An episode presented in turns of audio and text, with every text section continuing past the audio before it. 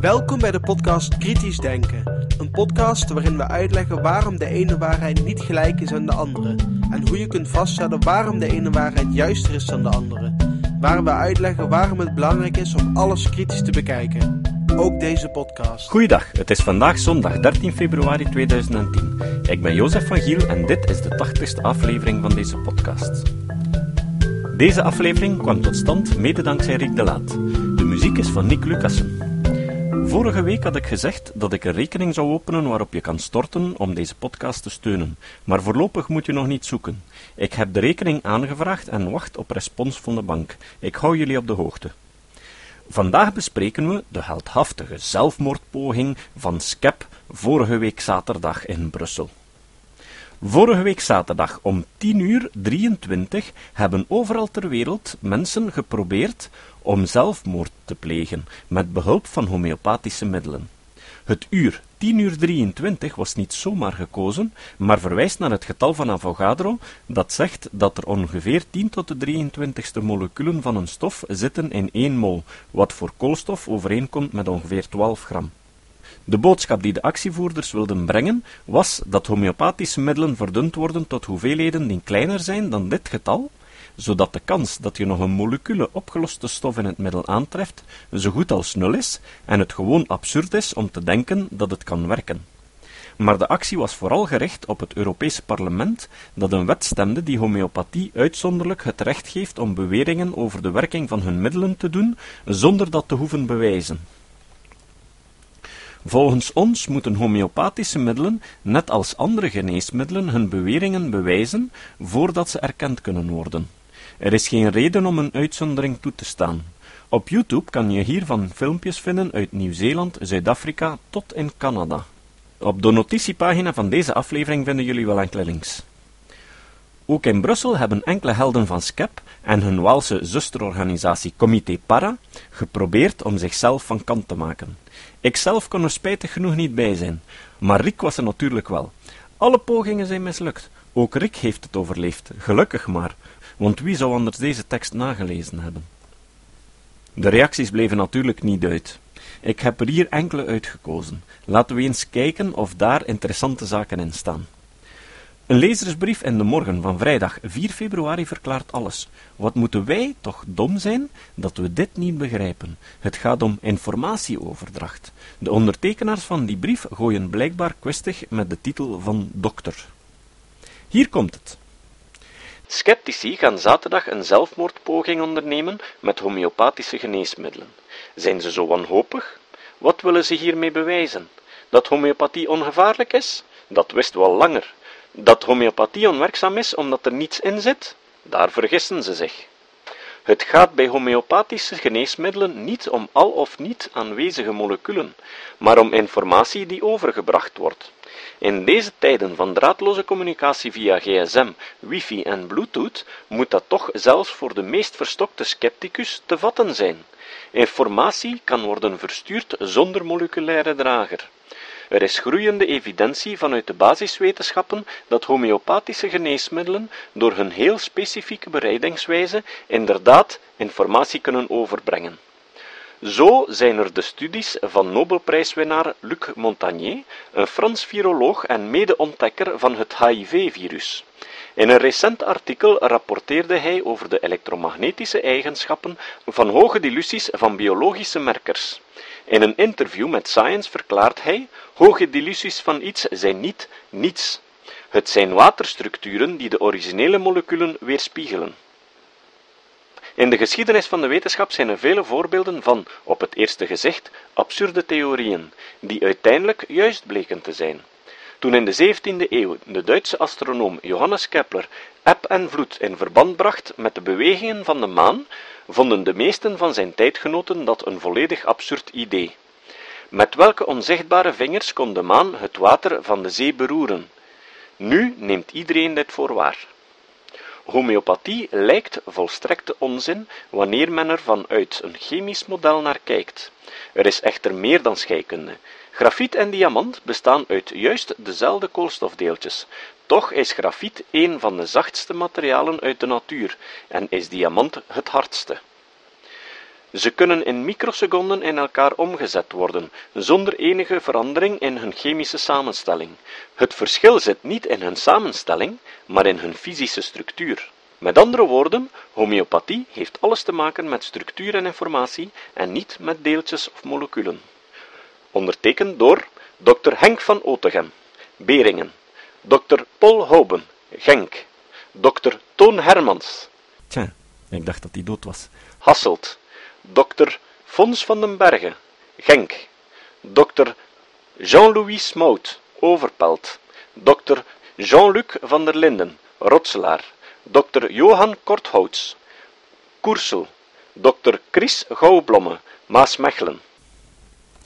Wat valt er over deze brief te zeggen? Natuurlijk weten de manifestanten ook dat er weinig homeopaten zijn die denken dat je op die manier zelfmoord kan plegen. Dat was uiteindelijk ook niet de bedoeling. Het was vooral de bedoeling om een spectaculaire actie uit te voeren die de absurditeit van de beweringen van homeopaten aan het publiek duidelijk maakt. Heel veel aanhangers van homeopathie denken immers dat het over kruidengeneeskunde gaat. Als ze wisten dat het om absurde verdunningen gaat, dan verliezen de homeopaten terstond meer dan de helft van hun aanhangers. Blijkbaar beseffen de homeopaten dat maar al te goed, en daarom proberen ze hun absurde beweringen niet te veel onder de aandacht te brengen. Zelfs Van Wassenhoven, de voorzitter van de Belgische Homeopatenvereniging, zei op 20 november 2010 in de Standaard Veel mensen denken dat homeopathische middelen zo verdund zijn dat er niets meer in zit. Maar dat klopt niet.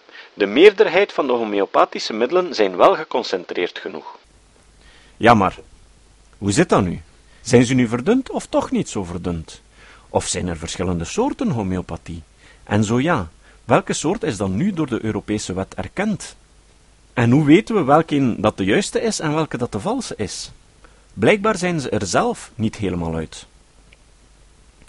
Volgens mij hoef je geen expert in de fysica te zijn om tot de conclusie te komen dat de ondertekenaars van de brief uit de morgen dringend onderricht moeten worden in een aantal basisprincipes van wetenschap.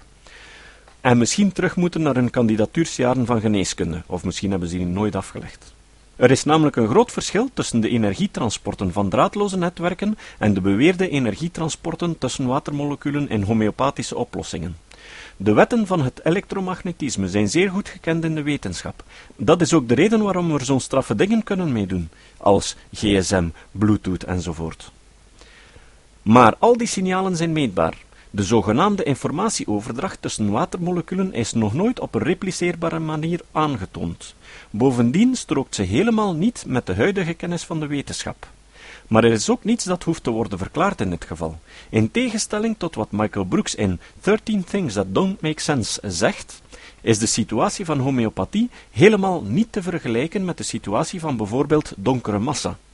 Dat laatste is een natuurverschijnsel waar we nog geen verklaring voor hebben. In de homeopathie loopt alles zoals we verwachten. Het is geschud water en de mensen worden beduveld door het toeval van het placebo-effect. De vergelijking met Kepler, of soms ook wel met Galilei of Copernicus, is nogal pathetisch. Om te beginnen heeft geen enkele van die theorieën er zo lang over gedaan om erkend te worden. Ten tweede is de kennis van de wetenschap op dit moment niet te vergelijken met toen en hebben die mensen op hun erkenning moeten wachten door de onwil van de godsdienstautoriteiten en veel minder door de wetenschappelijke wereld.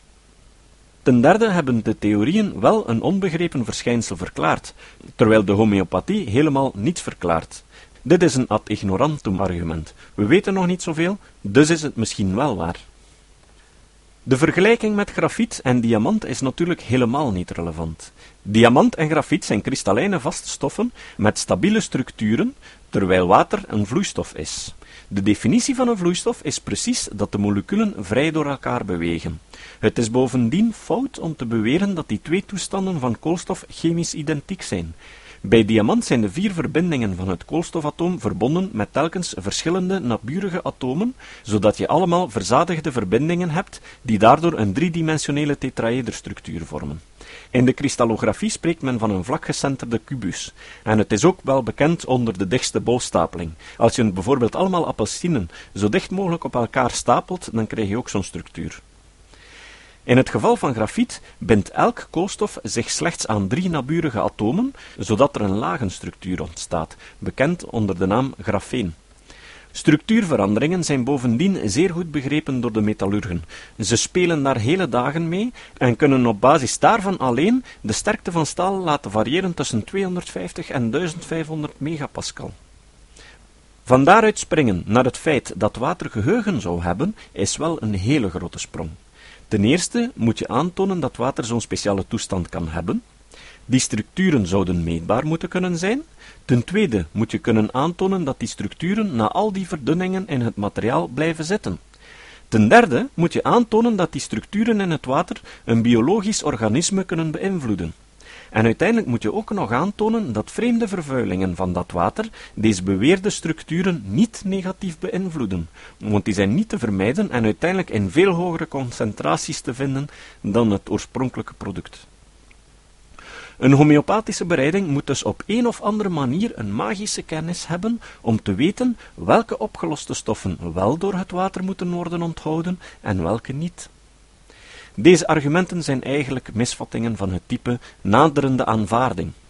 Maar volgens mij zijn we helemaal nog niet aan het naderen. Waarom is homeopathie dan toch zo succesvol dat er een miljardenindustrie is uitgegroeid?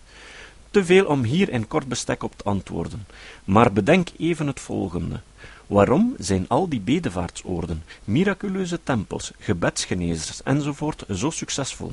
Omdat er ooit mensen, die bij hen hun heil zochten, na enige tijd genazen en er reclame voor gingen maken, terwijl diegenen waar het niet hielp, doodgingen, hun mond hielden of monddood werden gemaakt.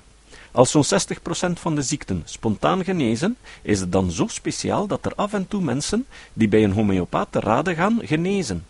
En als deze homeopaat je ook nog kan garanderen dat zijn middel 100% natuurlijk is en 0% bijwerkingen heeft, Nee, het gaat erom dat je jezelf durft toegeven dat je bedrogen kan worden.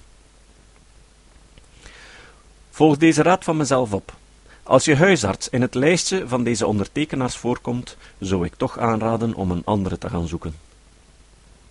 Ah ja, dat was er ook nog dat autoriteitsargument. Hoe was het weer? Ja, ja, het is juist van die Nobelprijswinnaar die hen bijstaat. Die, die dat allemaal bewezen heeft. Uh, hoe noemt hij weer? Uh, Luc Montagnier. Ja, ja. Maar hoe zit het daarmee? Wel, als je zoiets leest, dan raak je soms wat ontmoedigd. Omdat je alles wat die kerel gezegd heeft, moet beginnen uitpluizen en kritisch onderzoeken. En dat vraagt enorm veel tijd.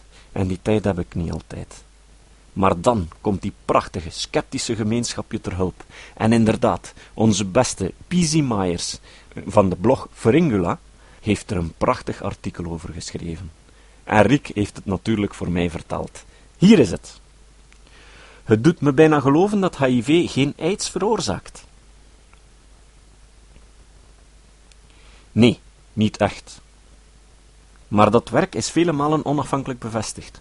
Ondanks echter heeft Deepak Chopra Luc Montagnier, de Nobelprijswinnende medeontdekker van het humaan immunodeficiëntievirus, geprezen omdat hij de muren van de wetenschap heeft doen omvallen wat al zou moeten volstaan om de arme man te veroordelen.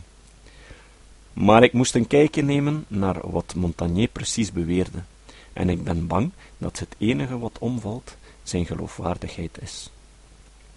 Montagnier beweert in verschillende kranten dat het DNA van pathogene bacteriën een elektromagnetisch signaal uitzendt en verder dat als je DNA homeopathisch verdunt, zodat er geen DNA daadwerkelijk aanwezig is, het water datzelfde signaal blijft afgeven. Verder, als je twee flacons homeopathisch verdund elektromagnetische signaal uitzendend water naast elkaar zet, kan het signaal van het ene naar het andere worden overgedragen. En verder dat alleen bacteriën en virussen, die pathogeen zijn voor mensen, dit signaal produceren. Gewone E. coli niet. Het is waanzin, gestapeld op waanzin. Mark Crislip zou zeggen, een koeienvla bovenop een koeienvlaai. En wat krijg je als je veel koeienvlaaien op elkaar stapelt? Een berg koeienvlaaien. Er is geen zinnige uitleg voor dit fenomeen. Slechts enkel wat wilde speculatie dat watermoleculen lange polymeren van dipolen verbonden door waterstofbruggen kunnen vormen, die zichzelf in stand houden door de elektromagnetische straling die ze uitzenden. Meer waanzin. Ik ben nogthans niet van plan om de paper te bekritiseren, omdat hij een mysterieus mechanisme zonder samenhangende fysische oorzaak postuleert. Ik las het paper en noem het onzin op grond van de slordigheid van het werk. Ik geloof er niet in. Niet omdat ik geneigd ben om het onwaarschijnlijke te vinden, al doe ik dat wel, maar omdat het een onstellend slechte paper is. Laten we eerst eens kijken naar de gadget die hij gebruikt om deze signalen op te nemen. Een spoel rond een potje, een versterker en een computer. Je kan de tekening op mijn blog zien. Geweldig, is het niet? Hij maakt gebruik van een laptop-PC met een Soundblaster geluidskaart voor de analoog naar digitaal signaalconversie, aangesloten op een hi-fi eindversterker, die op zijn beurt aangesloten is op een spoel van koperdraad. Een flacon met de te testen oplossing bevindt zich in de spoel. Niet te geloven! Het is helemaal niet onmogelijk om elektrische signalen met een apparaat als dit te meten. Ik heb het zelf nog gedaan. Als pas afgestudeerde bouwde ik een leuke gadget. Dat bestond uit een elektrische printplaat die ik, geëtst met een fijn netwerk van dunne, interdigiterende koperen lijnen, waarop ik een larvale zebravis kon plaatsen, en daarmee de actiepotentialen van het Mautner-neuron kon registreren, een grote cel die een rol speelt bij de ontsnappingsreflex van de vis. Het werkte eigenlijk redelijk goed, maar was nogal precair. De vis moet precies goed zijn gericht. Er mocht niet te veel water op de plaat liggen, of hij zou wegdrijven van het contact, en de signalen waren zeer variabel in kracht. Maar ja, wanneer een buitengewoon grote cel een massief signaal afvuurde, vele tientallen millivolt, op minder dan 1 mm van de plaat, konden we het registreren met onze apparatuur. Natuurlijk was het ook extreem gevoelig voor allerlei externe signalen. We deden dus onze experimenten met het apparaat in een kooi van Faraday. En je kon heel leuk met je vingers in de buurt van het apparaat wiebelen en daardoor allerlei storende signalen mee opnemen. Nu kijk ik naar Montagniers opstelling, die er nog meer ineengeflanst uitziet dan mijn oude gadget. En wat zie ik? Een gevoelige ruisdetector. Het is weinig meer dan een leuke kleinschalige versie van een Scientology E-meter. Een gadget dat ruis uit de omgeving opneemt en een naald over een wijzerplaat laat wiebelen. Nu eens kijken naar de data die eruit komt. Een aantal afbeeldingen kan je zien op mijn blog. Blijkbaar is al, waartoe een winnaar van de Nobelprijs in staat is, onbewerkte screendumps van zijn pc weergeven en hij kan er nog mee wegkomen om dit te publiceren. Maar kijk eens naar de onbewerkte data bovenaan. Achtergrondruis van een celvrij flacon aan de linkerkant en een enorme homeopathische verdunning van een mycoplasma-suspensie aan de rechterkant. Wauw! Hoeveel van jullie zouden zo'n rommelgegevens willen opnemen en dan ook nog publiceren? Tussen naakjes.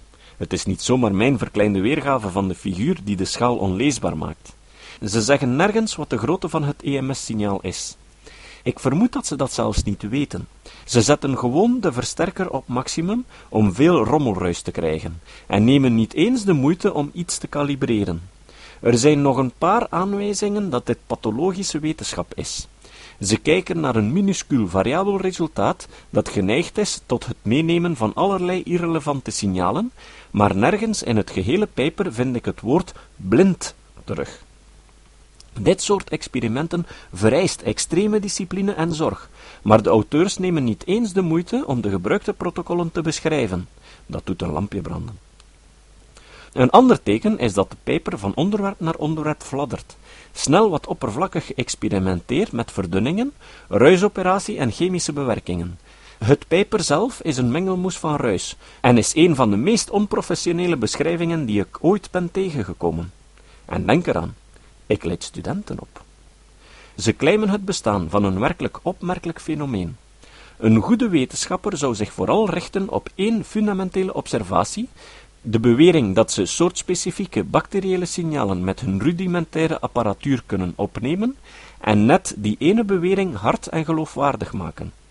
Maar nee, ze pronken met een aantal zeer zwakke onbewerkte data en vervolgens vinden ze er niets beter op om het experiment een biljoen keer te verdunnen en aanspraak te maken hetzelfde signaal waar te nemen. Ik vond de eerste waarneming al dubieus. Waarom laat je me iets nog onwaarschijnlijker zien? Ten slotte is er nog een ander verdacht teken aan de data.